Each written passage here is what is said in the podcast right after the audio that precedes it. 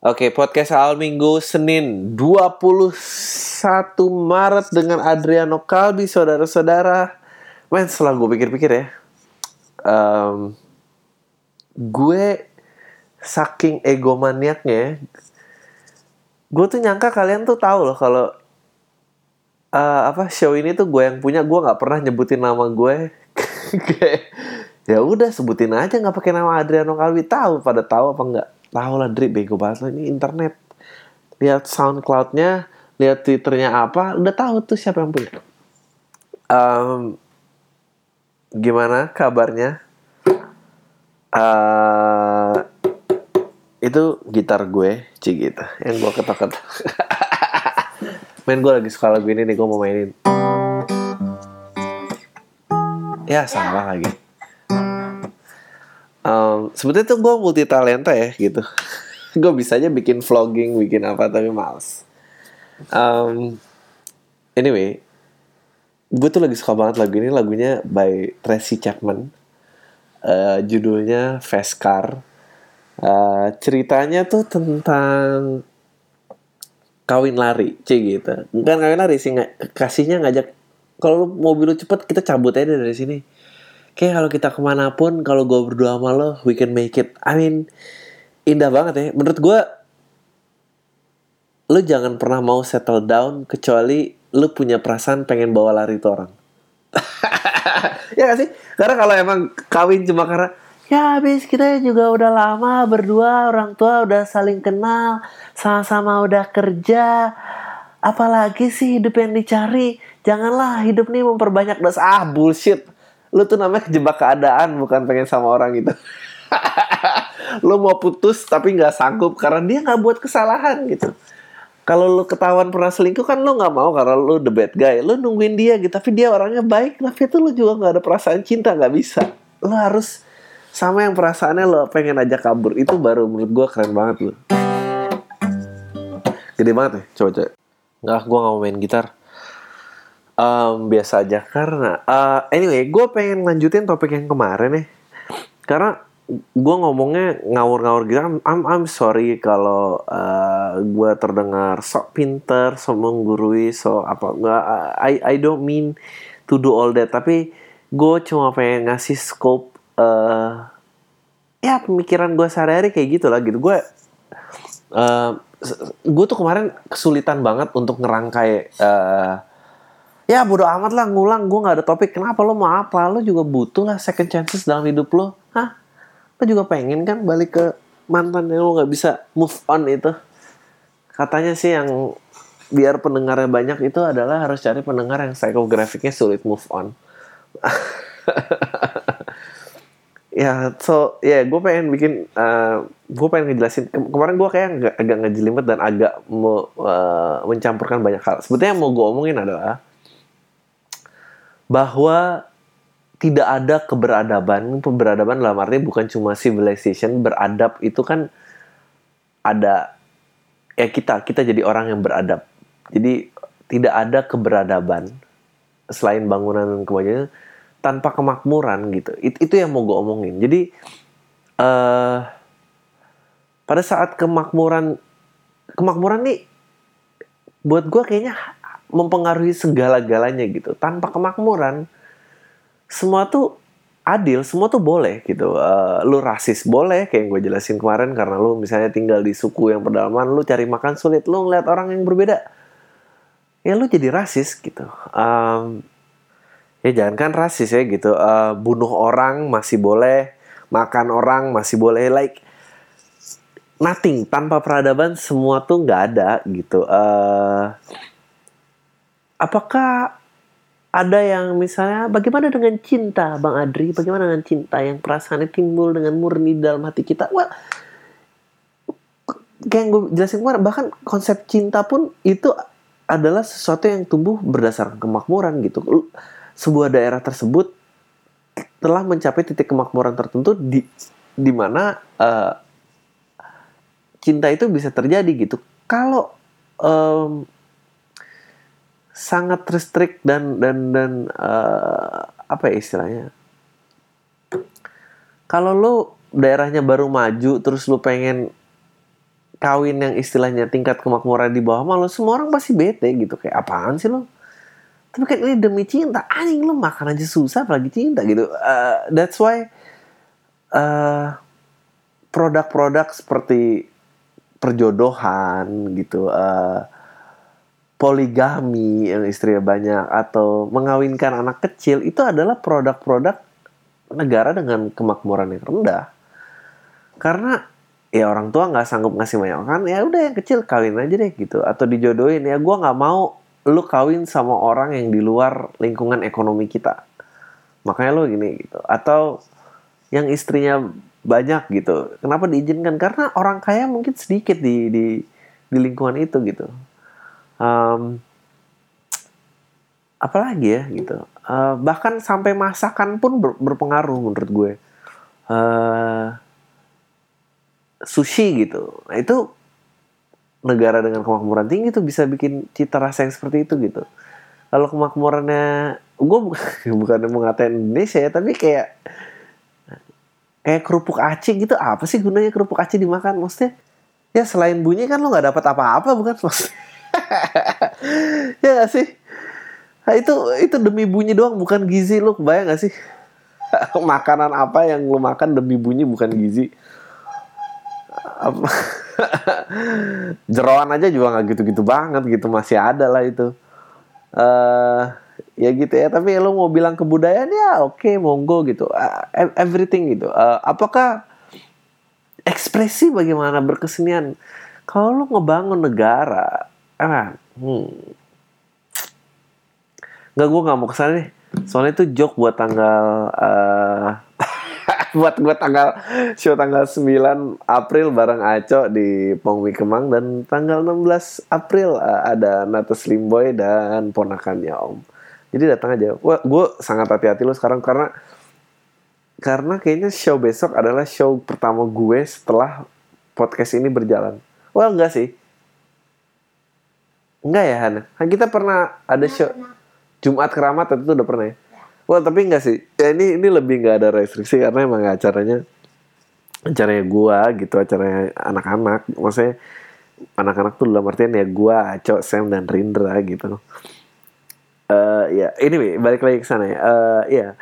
Uh, jadi yang mau gue kebebasan berekspresi gitu. Gue tuh cuma gue cuma gini. Intinya adalah dan jika tidak ada kemakmuran, menurut gue uh, hak tidak ada toleransi tidak ada um, hak tidak ada toleransi tidak ada perubahan sulit terjadi uh, apa istilahnya persaingan juga pengen banget dihindari ini gini uh, apa ya karena kalau lo menuntut perubahan tanpa kemakmuran itu jalannya cuma satu adalah otoriter.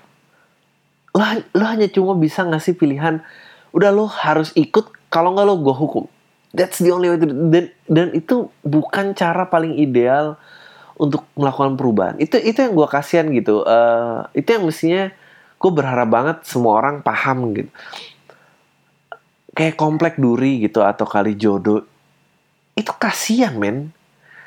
Lo bayangin aja how can uh, orang yang udah tiga generasi di sana gitu yang udah nggak tahu pendidikannya jauh dari lo. Ya oke okay, orang ini melanggar peraturan oke. Okay. tapi dia disuruh berubah pasti susah men. Namanya lu miskin. Tapi yang seperti gue bilang tadi gue gue ngerti banget perubahan itu tidak bisa dapat dielakkan. Oke okay, tapi at least lu jangan cheering for it dong gitu. Lu jangan jangan mendukung gitu. Gue ngeliat kalau lu lihat ke situs berita gitu lihat orang-orang komen gitu anjing lu kejem banget gitu komen ngata-ngatain orang miskin yang uh, eh gue pernah bilang ini lu namanya gebukin maling ayam secara nasional gitu gebukin maling ayam didukung pemerintah gitu. Kayak lu tau kan kalau gebukin maling ayam tuh kayak ya udah kesalahannya kecil tapi semua orang kayak ah emang mampus tuh rasain aja gitu nggak ada yang peduli. Uh, itu kasihan gitu pada ngatain orang dasar orang-orang nggak beradab gini, gini ya iya nggak beradab karena nggak makmur. Kalau dikasih peraturan ini nggak bisa banget sih dibilangin dah. Emang udah singkirin aja tuh secara paksa. Lu tuh mesti prihatin. Lu yang punya sedikit kemakmuran lu juga kenapa sih nggak punya toleransi gitu? Yang nggak boleh punya toleransi itu mereka. Lu yang punya kemakmuran lu tuh mesti bertoleransi. Dan gue bukan pengen jadi serasa so bener atau apa tapi gue benci sama orang-orang yang kayak gini deh. Tadi gue sempat bilang ya tanpa kemakmuran perubahan itu sulit terjadi. Dan kita nih udah memasuki era digital di mana menurut gue ini era paling berbahaya karena ini ini perubahan tanpa infrastruktur. Ini perubah kita belum pernah memasuki era perubahan secepat ini gitu. Kayak kemarin taksi pada demo sama sama Uber. Ya wajar men. Siapa sih yang pernah merhatiin kemakmuran supir taksi? Kok lu malah ngomong netizen netizen Indonesia yang gak tercerahkan gitu banyak informasi. Lu kok pada ngomong kayak ah supir taksi nggak siap persaingan ini. Ya iyalah nggak siap persaingan. Emang lu pernah mikirin kesejahteraan supir taksi? Lu berapa sih? Nah, ngasih tips supir taksi berapa sih? Lu paling tarif 47 ribu lu kasih 5 ribu 50 ribu. Udah itu doang. Lu nggak mau tuh ngasih uh kalau 60 ribu banyak banget ya kita kalau 70 ribu. Ya Lu supir taksi bisa bayar cicilan rumahnya.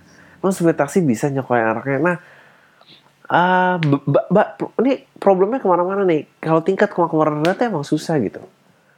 Dan ini menjalar ke mana Apakah uh, individualitas atau identitas bisa menjadi uh, sebuah hak jika tidak makmur? Lu, lu lihat deh sejarah Indonesia. Nama Papua sebelumnya apa? Irian Jaya. Nama Makassar lu sebelumnya apa? Ujung Pandang. Ngapain coba? Itu identitas orang diambil loh. Dan nggak pernah tuh ada yang ribut. Maksudnya itu individualitas, hak bersuara, identitas sangat sulit dilakukan kalau tingkat kemakmuran that's that's all I'm saying. That, itu, itu yang mau gue berusaha clarify. Kayaknya gue muter-muter gitu. Dan uh, kemarin sempat ada poin agama ya gue berharap yang itu yang gue bingung. Kayak ah sebetulnya orang tuh keluar peradabannya dulu apa uh, kemakmuran dulu ya uh, gue bilang dua-duanya tapi gue lebih condong kalau ngomongin pemerintahan dan apa ya kemakmurannya dulu dong pemerintah harus bikin sesuatu dong gitu uh, dulu ada sejarah singkat ya sedikit tentang Renaissance gitu. Kenapa Renaissance tuh disebut oh masa pencerahan? Karena Renaissance itu kan tuh di Han Renaissance di Italia kan ya? Ya all over Europe lah ceritanya. Kenapa masyarakat itu bisa itu? Karena tatanan sosialnya dibuat seperti itu. Bahwa pemimpinnya pada saat itu memutuskan untuk uh, pencerahan tuh harus bisa dicapai rame-rame. Dia sengaja ada aturan namanya jalanan buat pejalan kaki itu harus selebar apa. Eh, gedung-gedung uh, itu harus memasuki sinar matahari itu sebanyak apa Uh, dan ternyata uh, jadi misalnya jumlah penduduk yang sama di daerah situ dengan jumlah penduduk sama yang daerah lain, tingkat yang di daerah yang nggak diatur seperti itu, tingkat kriminalitasnya tinggi, peradabannya rendah.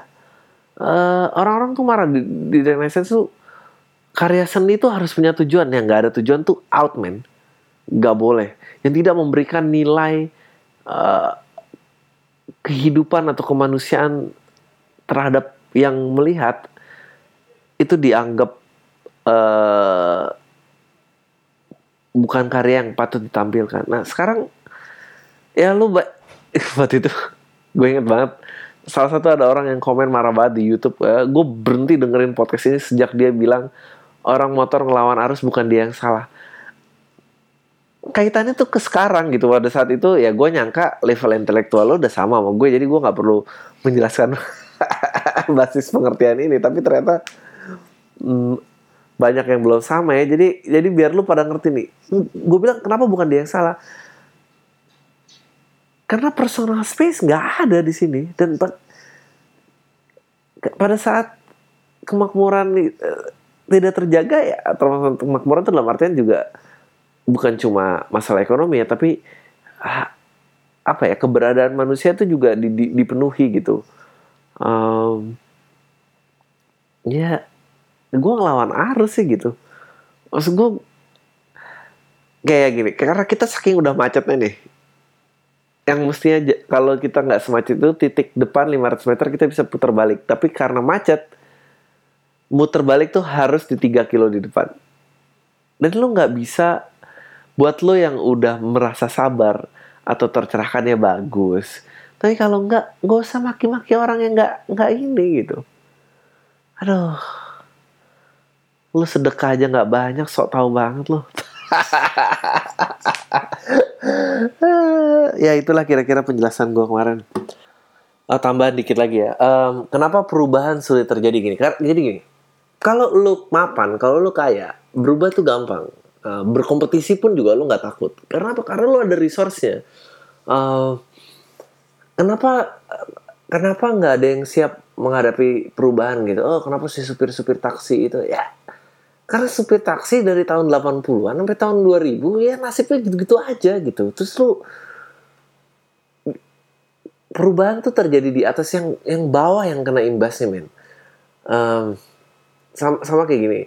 Eh, kenapa kenapa toko kenapa industri musik eh, Indonesia eh, p- p- recording industri rekaman di Indonesia nggak ada yang survive? Karena selain ownernya nggak ada yang bisa kaya dari situ men. Pada saat semua masih asik mengumpulkan kekayaan tiba-tiba jebret. Negara dunia ke satu melakukan perubahan. Cekrek ya. Ke bawah imbasnya berantakan gitu. Nah tapi dulu zaman analog sebelum zaman digital dan internet ini gue tuh senengnya perubahan nggak nggak nggak langsung perubahan lambat gitu. Nah kalau sekarang tuh pad gini dulu kalau sekarang ya asal orang itu apa eh, udah megang handphone orang itu udah bagian dari target market men. Dulu kalau orang pengen berjualan atau istilahnya mempenetrasi market ya atau menggapai market yang dia tuju jalanan tuh harus dibangun oke? Ada yang ngantar barang ada yang bangun gedung-gedung untuk perkantoran ada yang pokoknya sampai ke pelosok-pelosok sampai semua orang tuh terkena ada aksesnya. Nah sekarang kalau lu asal lu bisa nyampe megang handphone perubahan tuh bisa nyampe di titik lu. Yang berbahaya adalah informasi terlalu banyak men. Nah kembali lagi gitu. Informasi terlalu banyak perubahan terjadi tanpa infrastruktur. Satu orang ng- ngupload channel YouTube aja dia udah tahu kayak oh jadi ada masyarakat yang masih bergantung dengan nelayan tapi misalnya dia keluarga turun menurun nelayan dan dan di situlah cara mereka mendapatkan kemakmurannya gitu. Nah mereka belum kaya terus anaknya ada yang megang handphone pengen jadi artis youtuber. Ah, lu tuh tai sebetulnya gitu. Menurut gua lu nggak boleh gitu.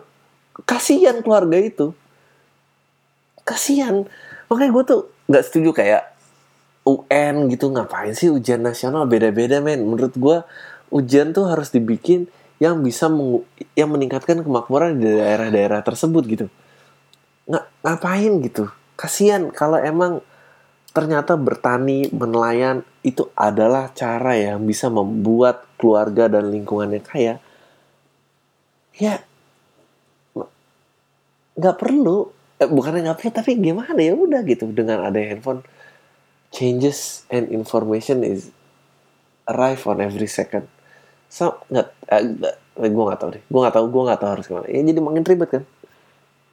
Ya gitu deh kira-kira. Anyway udah gue mau katain topiknya. Itu penjelasan gue tambah buat yang kemarin. Hmm, kira-kira seperti itu. Dia ketawa lagi. Eh, ini gue mau buka topik aja bareng eh, istri tercinta. Ci Emang apa? Hmm. Aku bilang buka topik bersama istri tercinta Topik apa? Enggak, aku tuh pengen nanya sama kamu. Gue kan eh cowok banget lah ya, Ci gitu, cowok Iya. banget. Eh, maksudnya semua insight penggalian relationship hidup semua itu dari kacamata cowok. Eh, sekeluarga nggak punya saudara perempuan. Kamu nih sebagai yang perempuan, Ci gitu. Rasanya hidup jadi perempuan tuh apa sih? Ribet gak sih hidup sebagai perempuan? Bukan eh, ya kayak untuk mengejar apa yang kamu mau gitu untuk dianggap setara dianggap gak spell tuh ribet gak sih Em, aku sebenarnya nggak terlalu menemukan masalah itu ya. Masalah aku tuh dianggap sepele karena umur tuh iya. oh ya udah Iya. kita tutup aja topik sekarang Eh bener. gimana sih maksudnya Ah, kamu nggak pernah ngerasa didiskriminasi karena kamu per- perempuan diskriminasi karena perempuan. I don't think so, tapi yang Atau yang pengkotakan lumayan- cita-cita lah, pengkotakan cita-cita dari misalnya orang tua. Ngapain sih kamu kayak gini, Dek? Bla oh bla. enggak enggak enggak Nggak ada. enggak Ap- apa ya yang Modern banget. kamu sih. kamu nyesel nggak buka tapi gini nggak ada insight kayak gini nggak tapi ini loh yang bikin agak intriguing Hmm. agak berintrik gitu adalah hmm, adalah tinggal di ibu kota Hmm. terus eh ada beberapa segmen eh, kota besar ini yang mengeluh-elukan emansipasi perempuan Hmm. ada beberapa peer group yang feminis Hmm. Nah, itu tuh membuat eh, kehidupan berkarir itu terlalu noisy, terlalu berisik. Jadi yang tadinya sebenarnya aku bawanya santai, Ah, jadi kayak eh, apa ya? Eh, di satu pihak penuh harapan, tapi di pihak lain kayak I don't need this shit gitu kan. jadi kayak misalnya, misalnya di eh, misalnya di kantor aku nah, eh, itu tuh ada eh, dari headquarternya global gitu di New York tuh ada satu inisiatif yang eh, aku nggak perlu sebut namanya sih tapi Nggak usah. intinya itu eh, itu adalah sebuah program di Aha. mana perempuan itu sharing hmm. punya klub sendiri terus Eh, pokoknya mereka mau eh, presentase perempuan yang duduk di kursi eksekutif di perusahaan aku itu eh, meningkat oh oke Tapi itu uh, in a way sukses karena ternyata tempat kerjaku itu dap- baru dapat award um, inilah kantor dengan kesetaraan gender di tingkat eksekutif yang paling baik gitu. tapi eh, Tapi you know di dalam klub-klub itu kan kamu di di mentor sesuatu yang kalau kamu bukan perempuan sebenarnya posisinya sama aja. Like eh, mereka eh, orang-orang yang eh, mentoring gitu ya. eh, itu sebenarnya memberikan masukan yang menurut aku kalau itu dikasih tahu ke cowok sama aja gitu. Jadi Seperti? seperti seperti eh, kayak harus pintar-pintar mengurus waktu dengan keluarga. oh oke oke oke oke, Yang oke. kayak gitu loh. Um, jadi itu menyebabkan kamu merasakan apa Jesus kita lima menit belum keluar penting nggak penting? oh penting nggak penting Penting nggak penting? Um, oh gini deh aku balik deh coba kamu tanya lagi deh biar Oke, aku lebih mengkerucut. ini nih mau kesalahan penyiarnya Heeh. Misalnya gini, do you think sebagai perempuan khususnya di Indonesia, apakah uh, mudah untuk mendapatkan keinginannya sebagai perempuan? Di Indonesia? Iya. Enggak lah. Ah oke. Kenapa?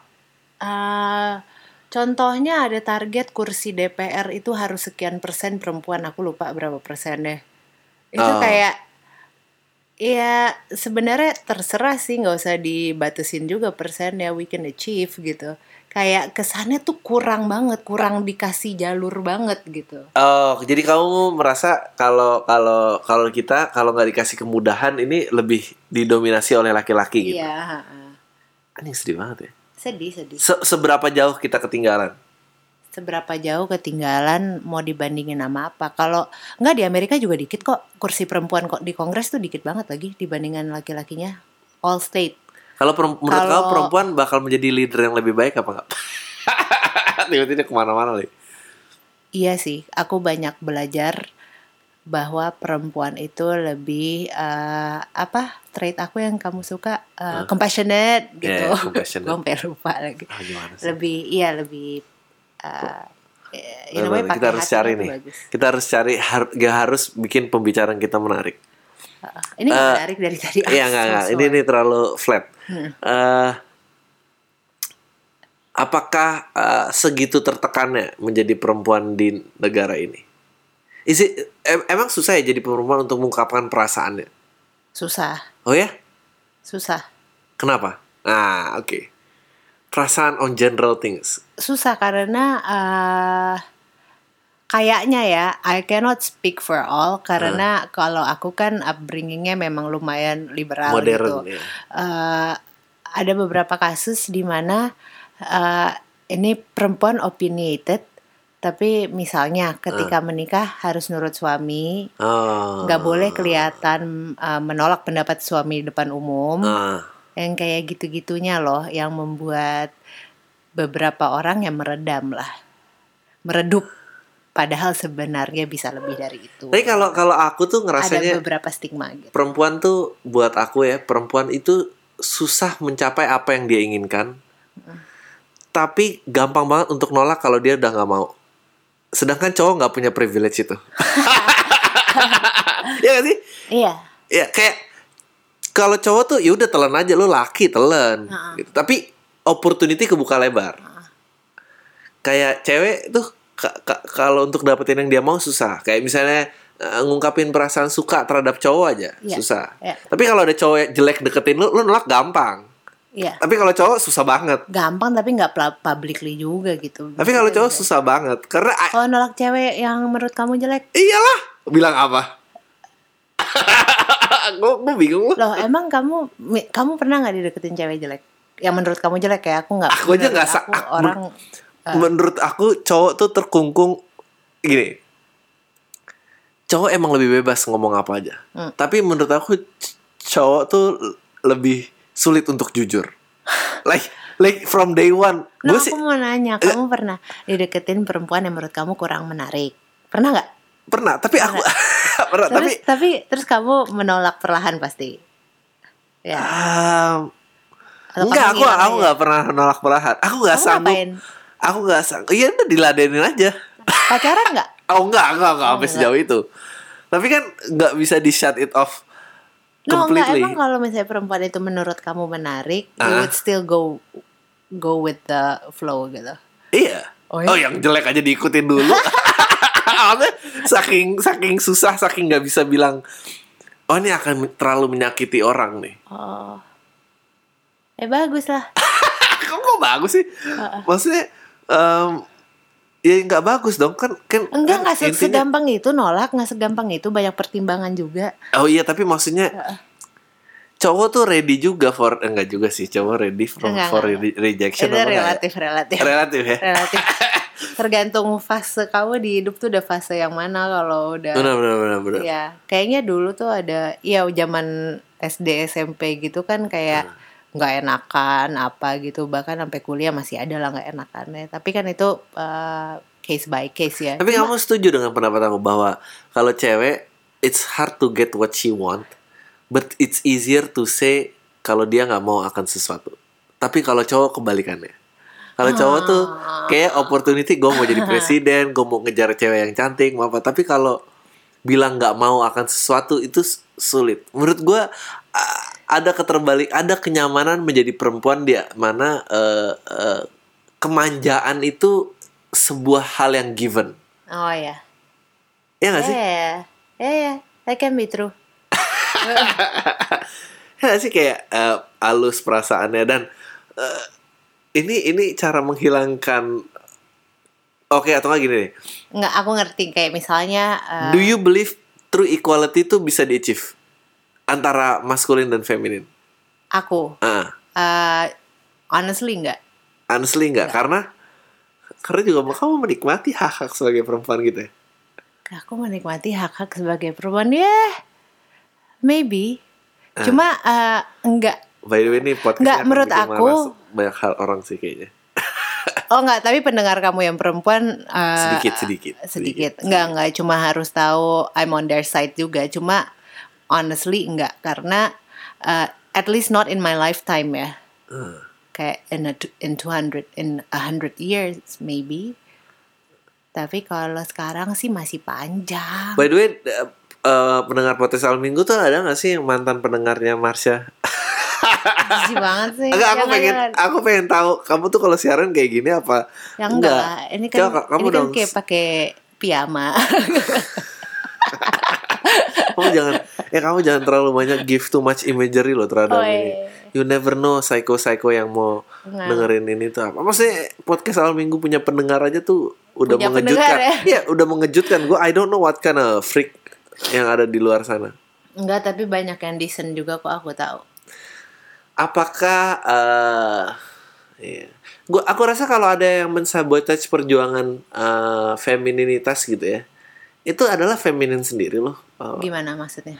Maksud, maksudnya kayak kayak misalnya eh, oke lah ada satu sisi feminin yang enggak kita bisa sama merata sama eh, eh, lelaki Dia bisa, yang Iya, ngomong dia bisa. yang ngomong bisa tapi kalau misalnya iya harus kerja gini hah kerja nggak mau Iya. ah gitu Itu sama kayak aku kalau kamu nanya sama aku, kamu bisa nggak ntar in next 5 years, 10 years bisa gini? Bisa kalau aku sih. Cuma Ah. ketika pertanyaan kamu menurut kamu bisa nggak equality? Enggak lah, I'm speaking for my people Ah. gitu.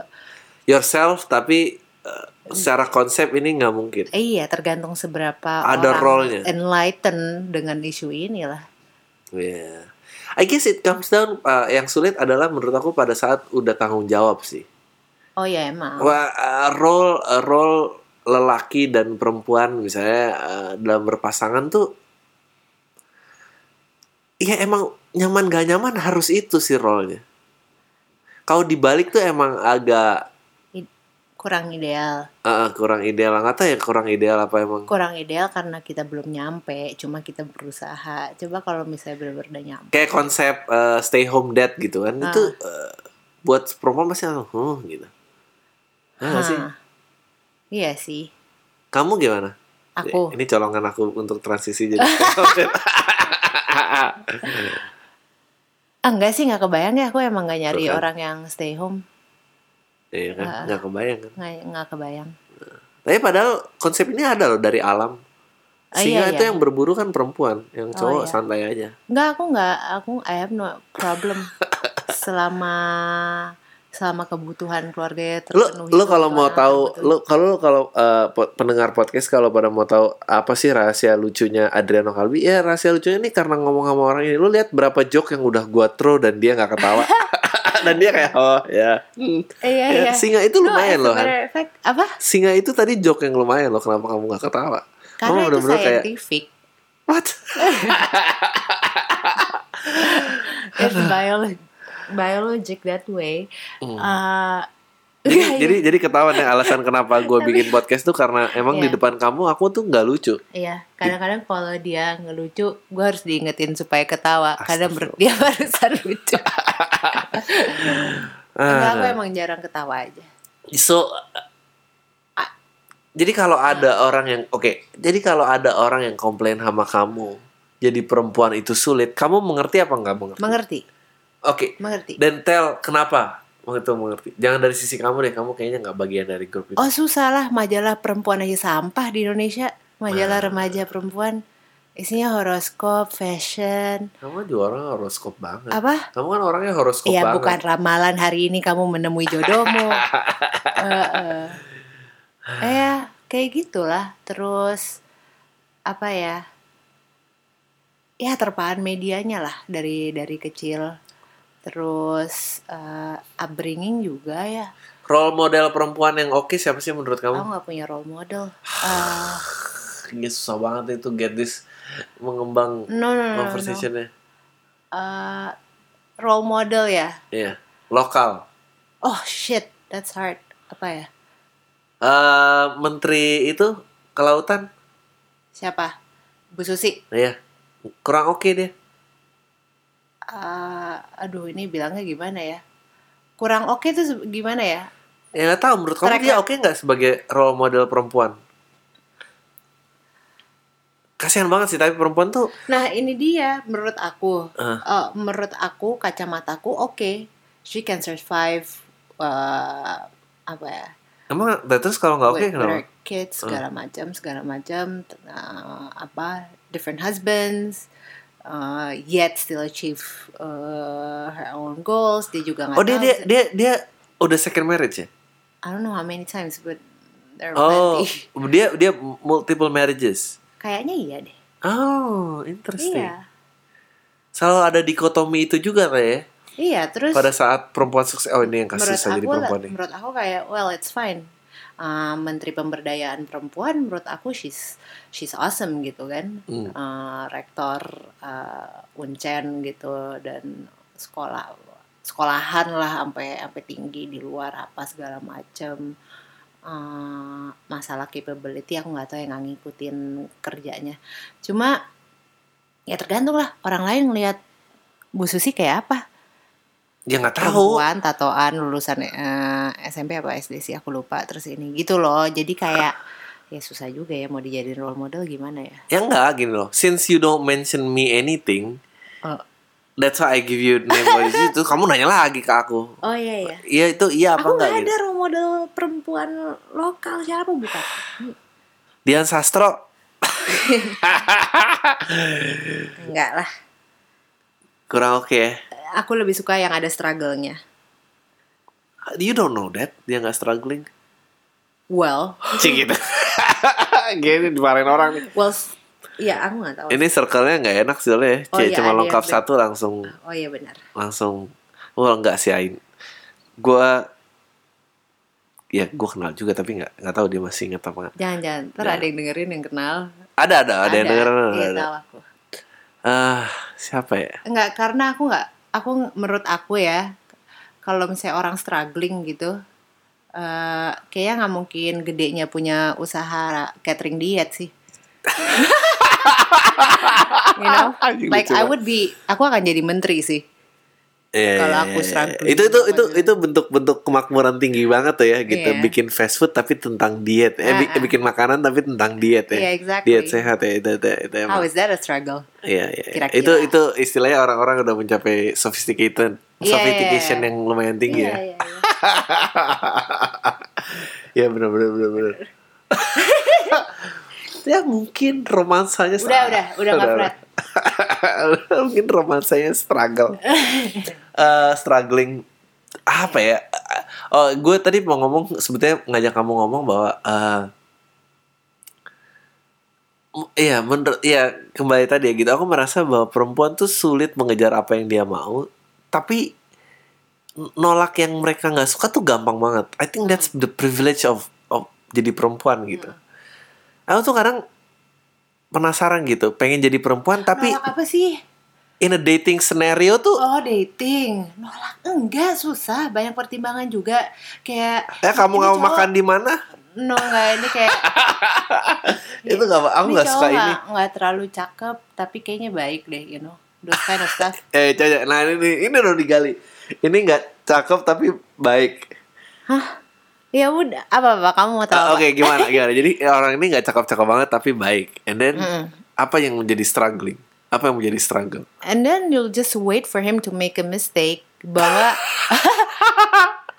not that it happened to me, tapi kayak ya iya kayak gitu. Jadi kamu tunggu aja sampai oh ternyata nggak baik-baik amat. Oh, ini kita gue kita- hold on gitu. Oke, kita kita persempit lah. Kita nggak usah sok feminitas dan apa. Kita ru- ruang lingkupnya Kamu tuh relationship aja. dari awal bilangnya gitu dong bahwa you're talking about relationship. Oh iya, that's jauh- what I said. That's what I said yang aku bilang kalau kamu ini uh, No, dari awal. cewek. Aku tadi udah- Mau diulang? Ya nggak Nggak tahu. nggak usah Ya, udah ini menarik. Oke. Iya kan? ah, Kayak nge- ngejar yang kamu mau tuh susah karena kalau kamu bilang Ngejar suka cowok nih, iya, ngejar ngejar cowok. cowok yang kamu mau susah. Sebetulnya aku pengennya seolah-olah ini buat ya. buat buat punya konteks yang grandur gitu padahal sih cuma tentang oke, relationship. Enggak. oke, try me. Oke ya kan ngejar yang cowok yang kamu suka susah karena kamu kalau ngegebet nih kamu bakal dicap ah ya perek lah apa segala macam Ah. dan and then kamu kepentok dengan itu ya kan Iya. and then then you, you have to dealt with the cards yang mau ngedeketin kamu Ah, ah. Oke and then dari semua kartu itu kamu tinggal tolak yang kalau kamu nggak mau banget tuh tinggal kamu tolak gitu sedangkan kalau cowok tuh terbiasa ngejar apa yang dia mau Oh, eh enggak, kamu harus tahu loh. Aku eh, aku beberapa kali deketin eh, cowok. Ini bahkan ini bukan masalah cakep nggak cakep ya. Aku nggak pernah. kamu dideketin sama kamu jadi cowok Cowok itu deketin aku. Iya oke Eh, well, it's okay, good looking, Hmm. uh, has a job. Eh, tapi aku tahu banget. I I knew it from my guts that dia mm, he's not the character that I wanted aja gitu kan. Iya tapi Terus so you reject kamu him tau- easily kan No, bukan aku yang reject. Aku tuh aku tuh Oh. tipikalnya kayak uh, I would tell this kind of story to my friends. Hmm. Ntar sampai ada orang yang nyampein ke dia. exactly isn't that convenient nah itu susah. Ya Susah lagi. Tapi kan cowok nggak lebih nggak bisa itu. Gua I cannot call up my body. Eh lu tau kan si Nita. Nita tuh kayaknya suka sama gue deh men. Ih sumpah lo Dri Nita, Nita yang itu. Yang ini kan dia kan agak bukan jelek gitu. Maksudnya kita ngomong jelek aja udah nggak bebas. Oh iya terus, mungkin. Terus nggak mungkin cerita ke teman terus tiba-tiba teman itu bergosip sampai kedengaran ke Nita. Anjing gue bajingan macam apa yang menolak perempuan seperti itu gitu. Oh iya udah. Sih. Susah susah. Susah kan? Susah. Oke. Anjir, I got it now you quickly agree ini lebih Iya, pembicaranya susah. lebih gak Kalau berkembang. aku lebih banyak jalannya aja untuk bilang. Iya. Oke. Gue gue tuh penasaran jadi perempuan. Ini pada ngerti kan sekarang? Ini gue kalau ngomong Madri kayak gini nih. Iya. iya. 20 Susah menit cuma nyambungnya. berusaha nyari gimana. ngerti sebenarnya kayak nyambung gak sih sebenarnya kita? Nyambung sih soalnya kamu nanya kayak gini udah kawin gimana oh sih? iya. Tapi. Ya tapi nggak iya. apa-apa itu kebanyakan relationship juga seperti itu Oh, kok. iya. Kayak udah diterima baru kayak sebetulnya gue mau gak sih sama orang ini? Bukan. Oh ya udah, whatever. Iya, Ya, udah keburu. Nah, yang kawin juga banyak. Kita jadi nggak nggak perlu kaget ya kalau Tiba-tiba episode tiba-tiba oh, tiba-tiba nggak nyambung nggak kaget tiba-tiba nggak bareng lagi Oh, Jangan jangan. ya, sedih ya. Sedih. Deh, gitu. eh maksud gue gue tuh pernah like perempuan tuh nggak ngerti misalnya even in relationship oke kalau katakanlah suka sama suka terus udah jadi like in order to keep you satisfied itu susah banget loh you don't understand the effort karena perempuan tuh terbiasa no no no no no no gitu Ya. aku iya No iya. no I feel Nggak, like tapi aku ngerti. Nggak, aku tuh berharap kamu jadi enggak, aku tuh bebas enggak, enggak, Oh gitu. enggak, Nggak enggak, enggak. Kamu Aku iya, enggak kayak perempuan kebanyakan. mengerti. ya sih, this is why kenapa cing. Karena dia pengertian. Ah udah nggak jadi ya, kayaknya udah cukup, Udah, cukup. udah. Oke, I'm sorry if I ruin your podcast. Ini kayaknya kenapa em, jangan sering-sering bintang tamu. Oke, masuk aja ke pembicaraan hmm, dari eh, Zain. Bang, gue Zain. Ini mantan anggotanya. Cik. Pilot talk. It's a pleasure, it's a pleasure. Nobody but you, nobody but me. I think that was horrible ya. Gue gak akan nyanyi lagi deh. Nobody but you, nobody but me. Cik gitu di, dibagusin biar eh, insekuritas diri gue terhapuskan. Anyway, Bang gue Zain, makasih udah jawab pertanyaan tentang LGBTQ di postingan Senin kemarin meskipun bawa hak asasi dan peradaban. Tapi setidaknya bisa ngasih gue gambaran jelas tentang masalah di Indonesia. Bang mau nanya kalau Google Fiber bisa dipakai di Indonesia bakal pengaruh ke industri yang lain gak bang? Well, buat lo yang belum tahu Google Fiber nih kayaknya sejenis internet TV oleh Google ya. Ya bakal berpengaruh lah seperti yang hal yang gue bilang tadi gitu. Eh, yang mengerikan dari eh, era digital ini adalah eh, ini era-era perubahan tanpa eh, membutuhkan infrastruktur gitu. Kalau dulu analog, kalau lo TV, lo di daerah pengen punya stasiun TV, daerah itu harus dibangun. men. Daerah itu harus bangun stasiun TV, daerah itu harus bangun jalanan menuju stasiun TV dan ke daerah tersebut. Em, apa habis itu lo harus bangun toko material yang mencuplai banyak lah jadi ada satu perubahan semua tuh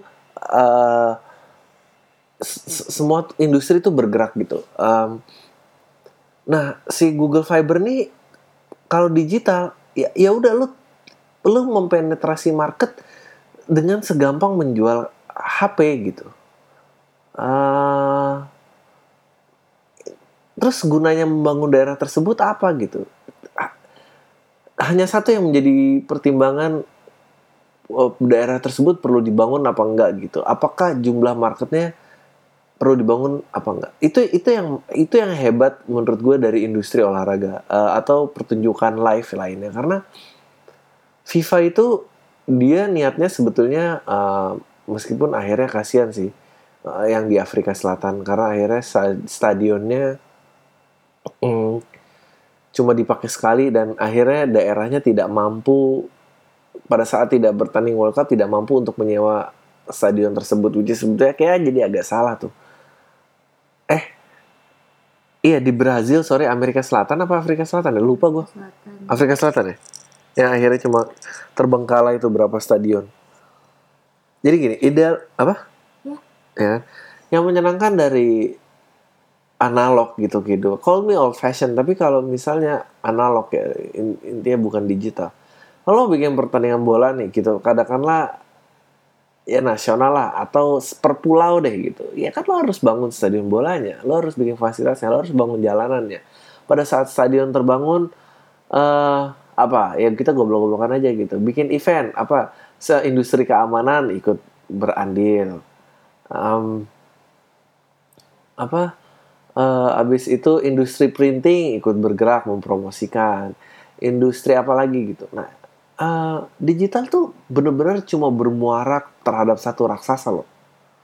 Selain Google tuh eh, siapa raksasa lain yang bisa ngalahin? Dan gue yakin raksasa itu bukan negara lo juga yang punya gitu maksud gue ya udah lo diem aja gitu. D- ya gue sih kasihan sih sama, sama daerah yang belum dibangun. Gue hanya merasa Amerika tuh kayaknya pembangunannya udah kelar gitu. Ada tol dari ujung kiri ke ujung kanan loh gitu. Ada ini ada ini. Kita waktu itu proyek Jawa Bali aja tol nggak jadi-jadi kan gitu. Dan itu baru Jawa gitu belum ngomongin yang lain. Well that's my concern sih. Jadi kalau untuk menjawab pertanyaan lo ada pengaruhnya ya ada banget gitu. Dan belum lagi industri-industri TV yang belum siap saing kembali lagi gitu bahwa pelaku pelakunya nggak ada yang kaya dari industri, bentuk industri TV yang sekarang. Ini lo masuk uh, pesaing baru dengan modal yang lebih gede gitu ya udahlah lu kena libas. Oh, apa.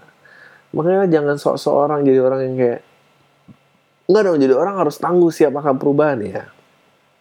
Sekarang ya lo lawan aja tuh Google.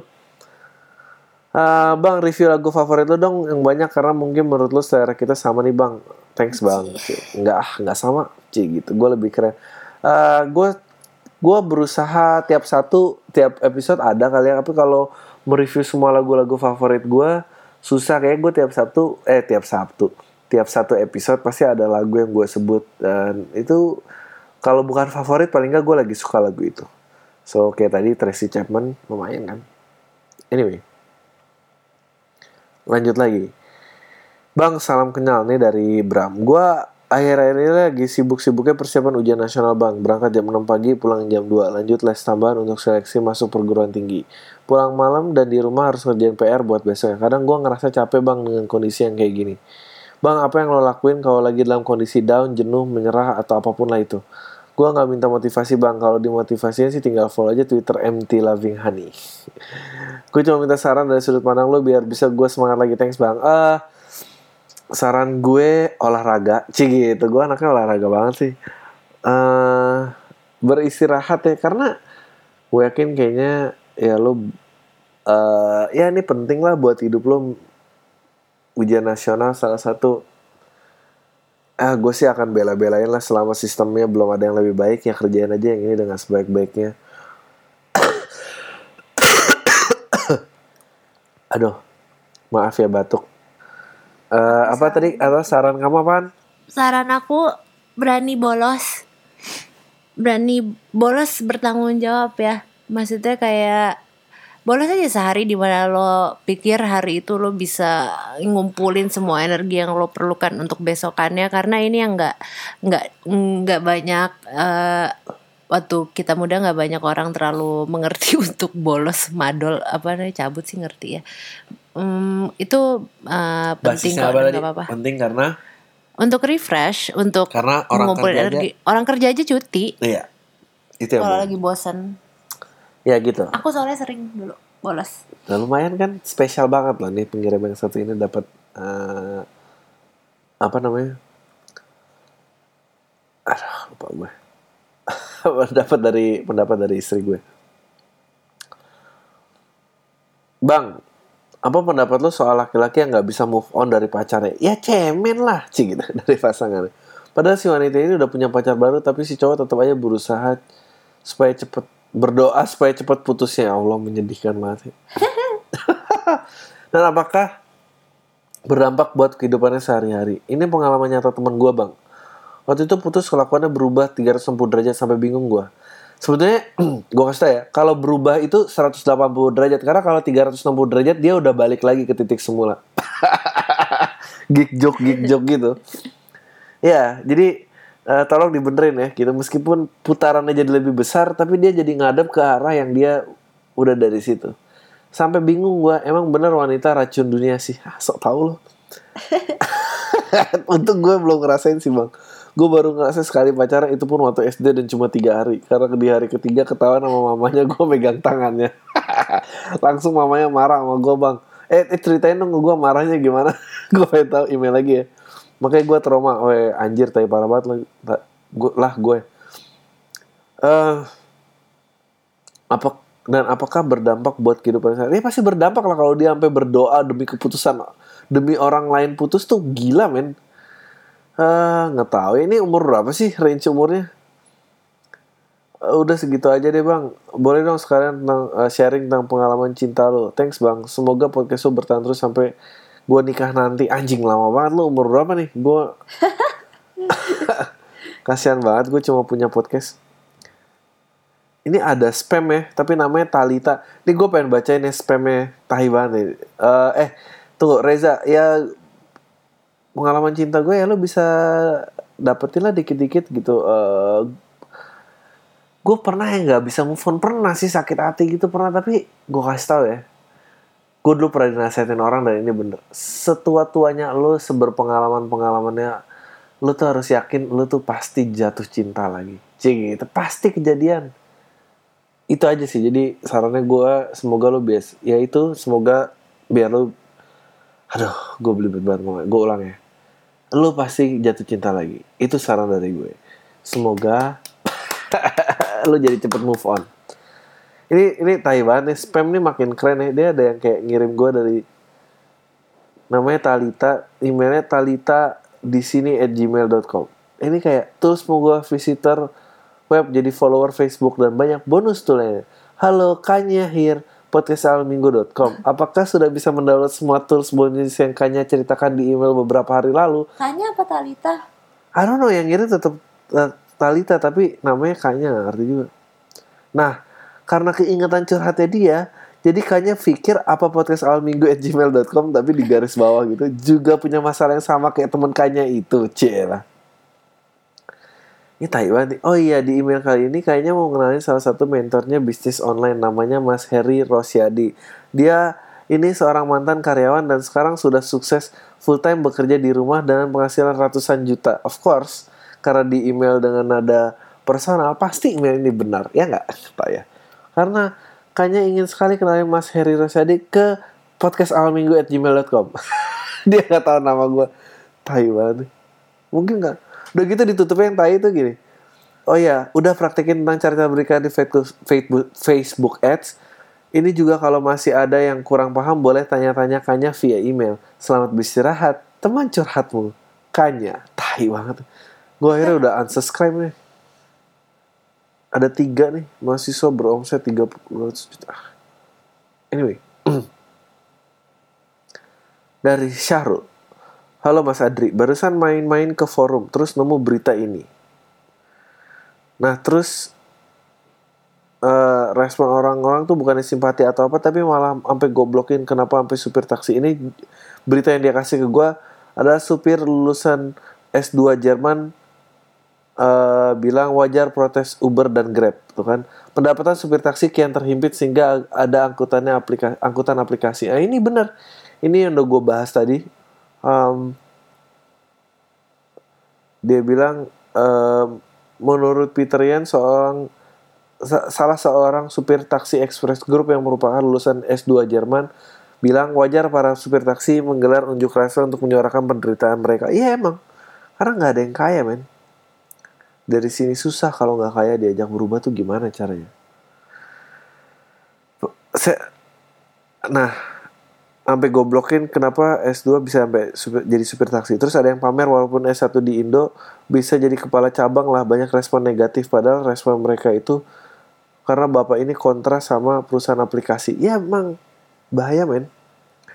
Padahal saya tahu bapak ini pernah membuat desain untuk pembangunan ribuan rumah pasca gempa di Aceh tahun 2004 lalu. Karena dulu sempat ngikutin beri, terus berita di Aceh. Karena ada kerabat yang mendapat di Aceh juga waktu tsunami. Terus pikiran saya cuma, ya mungkin masa jaya bapak ini sudah habis dulu bantu-bantu orang gempa, sekarang cuma jadi supir taksi. terus iseng lah googling beliau ini. Ternyata beliau yang bikin desain by Sway dan bikin desain sejumlah jalan layang di Jakarta. Juga jadi dosen tamu salah satu universitas swasta di Jakarta. Oh ya beliau memilih menjadi supir taksi ini juga karena ingin tahu secara detail di mana saja titik kemacetan di Jakarta. Terus nanti kajiannya diberikan kepada Pemprov DKI diberikan ini disambung ya? Cik gitu sosok kayak gitu. Nggak apa-apa kok. Typo. Menurut Mas Adri sendiri gimana? Banyak orang-orang kayak Tai merespon orang-orang seperti ini res, uh, Tai ini dalam kurung respon orang-orang di forum juga sama bapak supir taksi ini yang sudah akhir masa jaya tapi masih ingin sedikit berkontribusi buat lingkungan nih. Uh, tadi udah gue bahas ya. Gue setuju sama bapak ini. Uh, yang gua yang menyedihkan itu adalah sebetulnya tahu nggak lo apa yang menyedihkan uh, yang menyedihkan itu adalah ternyata uh, orang Indonesia netizen Indonesia yang punya akses internet itu cuma segitu dong intelektualnya. Iya gak sih? Oh, ya. gue tahu mungkin lo beda tapi lo lihat yang kayak detik atau yang ngisi komen-komen berita itu wah gila beringas men orang-orang kayak gitu. Ah sedih ya. Dari Rizky bang lo selama ini menjaga kuat idealisme lo kan dengan ca uh, cara lo mengatasi kondisi di mana idealisme harus mengalah dengan kenyataan yang bikin idealisme nggak bisa berjalan bagaimana bang?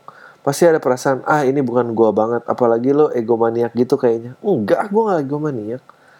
Cara lo berdamai dengan diri sendiri itu bagaimana bang? Oh ya minggu ini kan lo jadi podcast bareng Tirta kan gali abis tentang idealisme dalam percintaan. Tirtanya apa sih? Ya inilah ada orang dia pendengarnya juga sering gue kata-katain. Ada twitternya namanya Etromeo Gadungan. Males ya kamu? Nggak tahu pendengarnya banyak ya lebih banyak daripada gue nggak ngerti. Oh. Gali abis nang idealisme dalam percintaan percintaan sama dia ya bang. He terima kasih.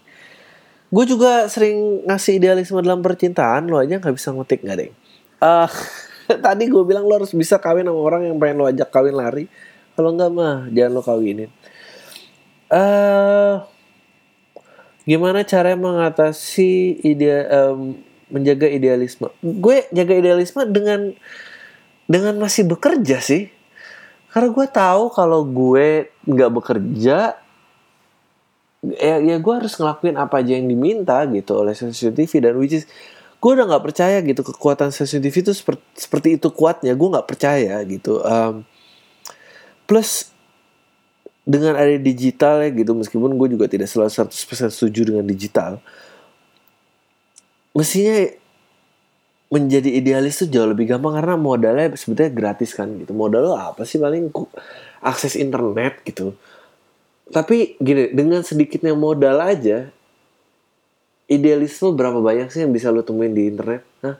di lautan yang gratis ini sedikit kan gitu. Semua masih bikin podcast yo yo yo yo subscribe kita dong gitu. Kayak maksudnya modal gratisnya semua orang kayak gitu. Jadi pertanyaannya apa tadi? Gimana cara? menjaga ide, uh, idealisme. Ya aku bilang ya gue kerja gitu. Gue nggak menggantungkan hidup gue di sini gitu. Oh, ya. sangat sulit kalau dan gue nggak bilang uh, gue nggak bilang semua orang tuh harus idealis. Enggak juga gitu. Kalau emang itu demi makan lo ya silahkan gitu. Tapi ya nggak tahu ya internet tuh udah gerak internet tuh dikit modalnya tapi lo masih yo yo yo semua apa jomblo ngenes dan segala macam uh, modalnya dikit aja lo lo lo apa jiwanya udah terkorupsi seperti itu gitu. Gimana ya? Nggak tahu.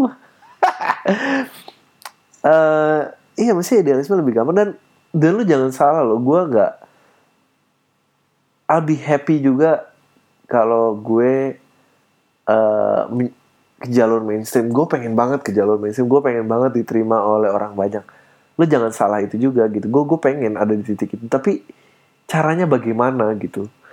Gue cuma pengen sebetulnya gue lakukan tuh sederhana gitu apa yang lu tahu, apa yang menurut lu bagus, apa yang menurut orang-orang lingkar satu lu menurut bagus, ya udah lakuin aja gitu. Dan uh, apa ya instead of gue pengen menarik arus daripada gue ikut arus gitu sih gitu gitu tapi gue pengen banget arus ini le- le- lebar gitu. Uh, gue cuma ngerasa bahwa kenapa idealisme penting untuk dijaga? Dri dia nggak nanya itu. Iya tapi gue pengen ngasih informasi ini.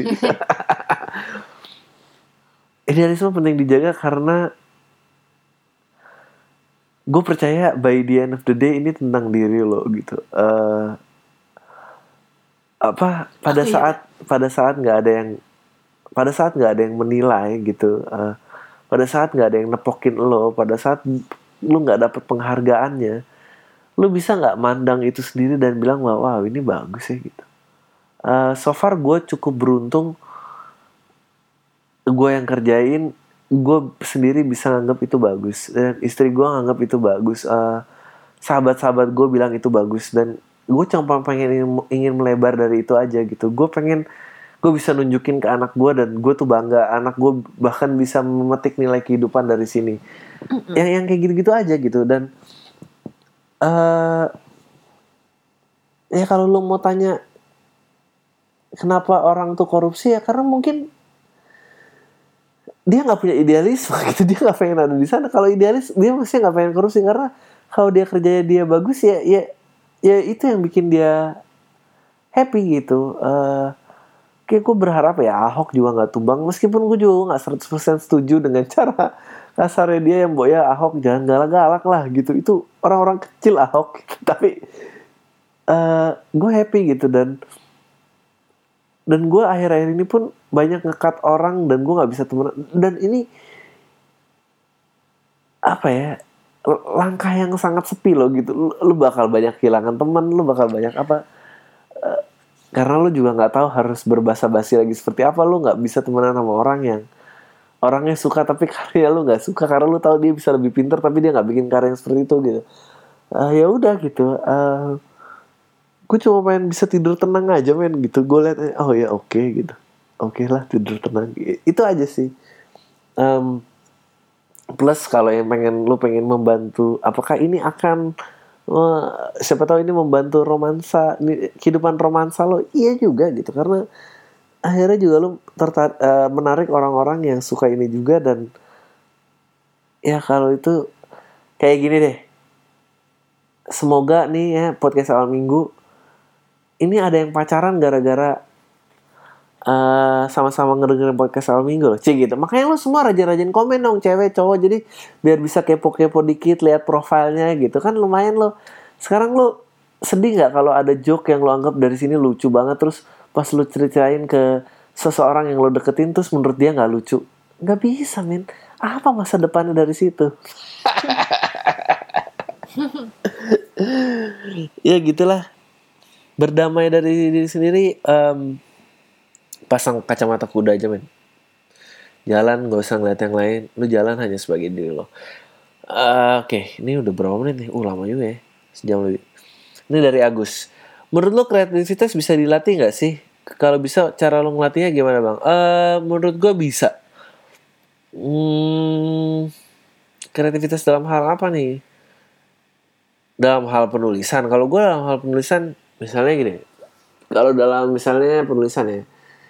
Gue selalu ngerasa dari titik A ke titik B. Misalnya lo mau cerita sedih.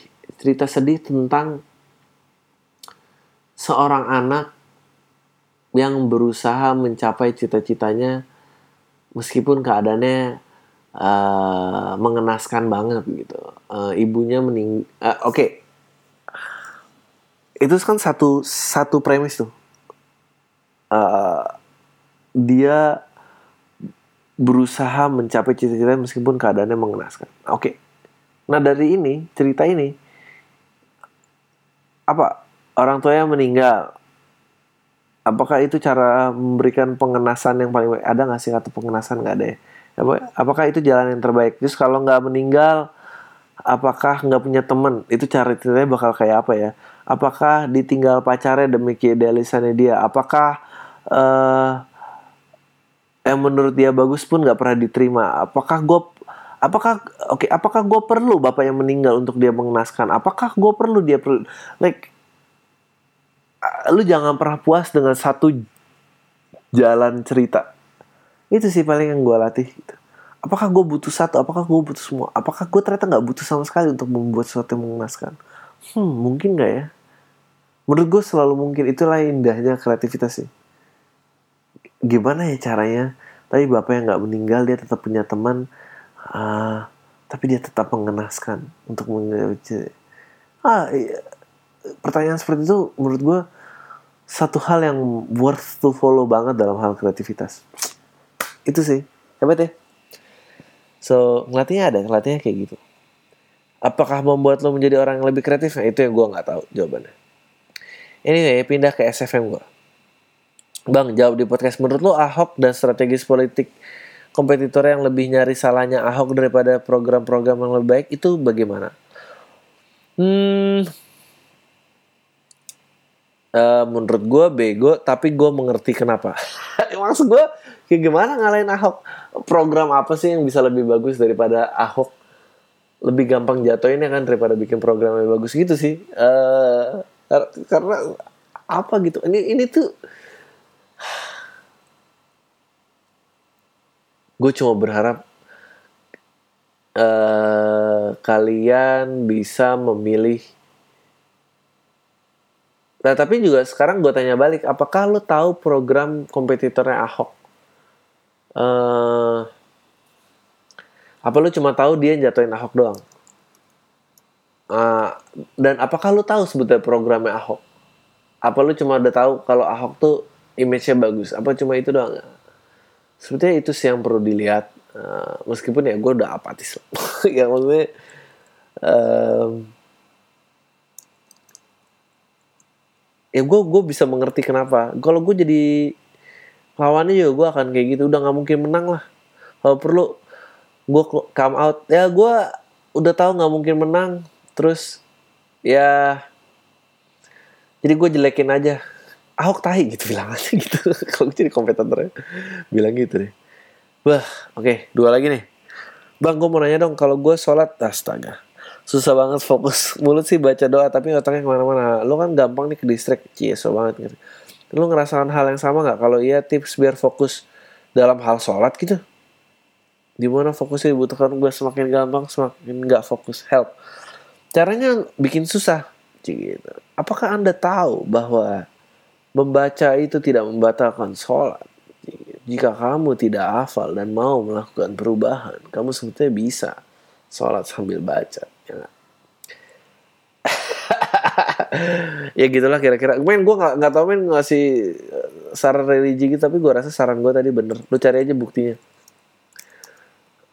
Itu yang gue jawab bener apa enggak jadi semoga bisa ya. Uh, gue suka mencoba rute yang berbeda kalau ke kantor. Just because aja sih dan pulang juga kayak gitu biar nggak ini oke nih yang terakhir nih men gue harus buru-buru maaf ya ini udah sejam lebih bang gue temen temen-temen kuliah gue pada pakai Snapchat, Pet dan lain. Padahal gue sendiri lebih nyaman pakai Instagram, Twitter dan WhatsApp. Gue selalu dianggap mereka, gue selalu anggap mereka itu childish. Timeline mereka penuh dengan postingan menye-menye. Menurut lo gue sok dewasa apa enggak? Ya kalau lo masih kecil sih lo dewasa. Tapi kalau lu seumur gue ya lu udah tua. Karena gue juga ngertinya cuma pakai gue cuma ngerti pakai pet, pakai line, pakai Twitter, pakai WhatsApp, Instagram gue nggak posting tiap hari, Snapchat gue nggak ngerti sampai sekarang.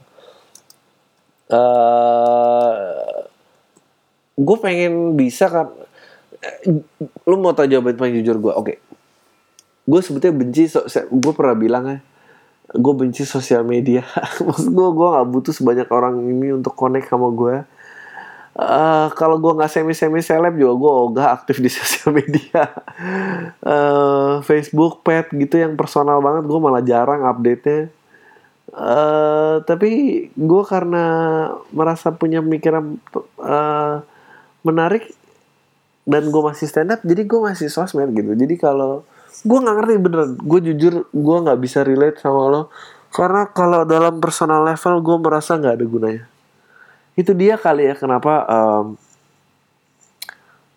Instagram akhirnya mati. Semua sosmed ini platformnya itu naik mati naik mati semua. Karena mungkin dalam personal level kita sebetulnya nggak segitu banyak nggak segitu sukanya sama orang ya nggak sih? Perlu diakui nggak sih? Perlu gak sih terus ada semangat persatuan itu? Hah? Hah? Bukannya individualisme ya? Di perlu tinggi. Kenapa persatuan itu perlu dijunjung? Karena karena itu adalah tanda-tanda negara dengan kemakmuran yang rendah. Ya sih kalau kemakmuran tinggi ya individualitas bebas punya identitas bebas. Lu mau ngapain aja? Bebas. Ya udah itu aja dari podcast awal minggu. Taylor semua deh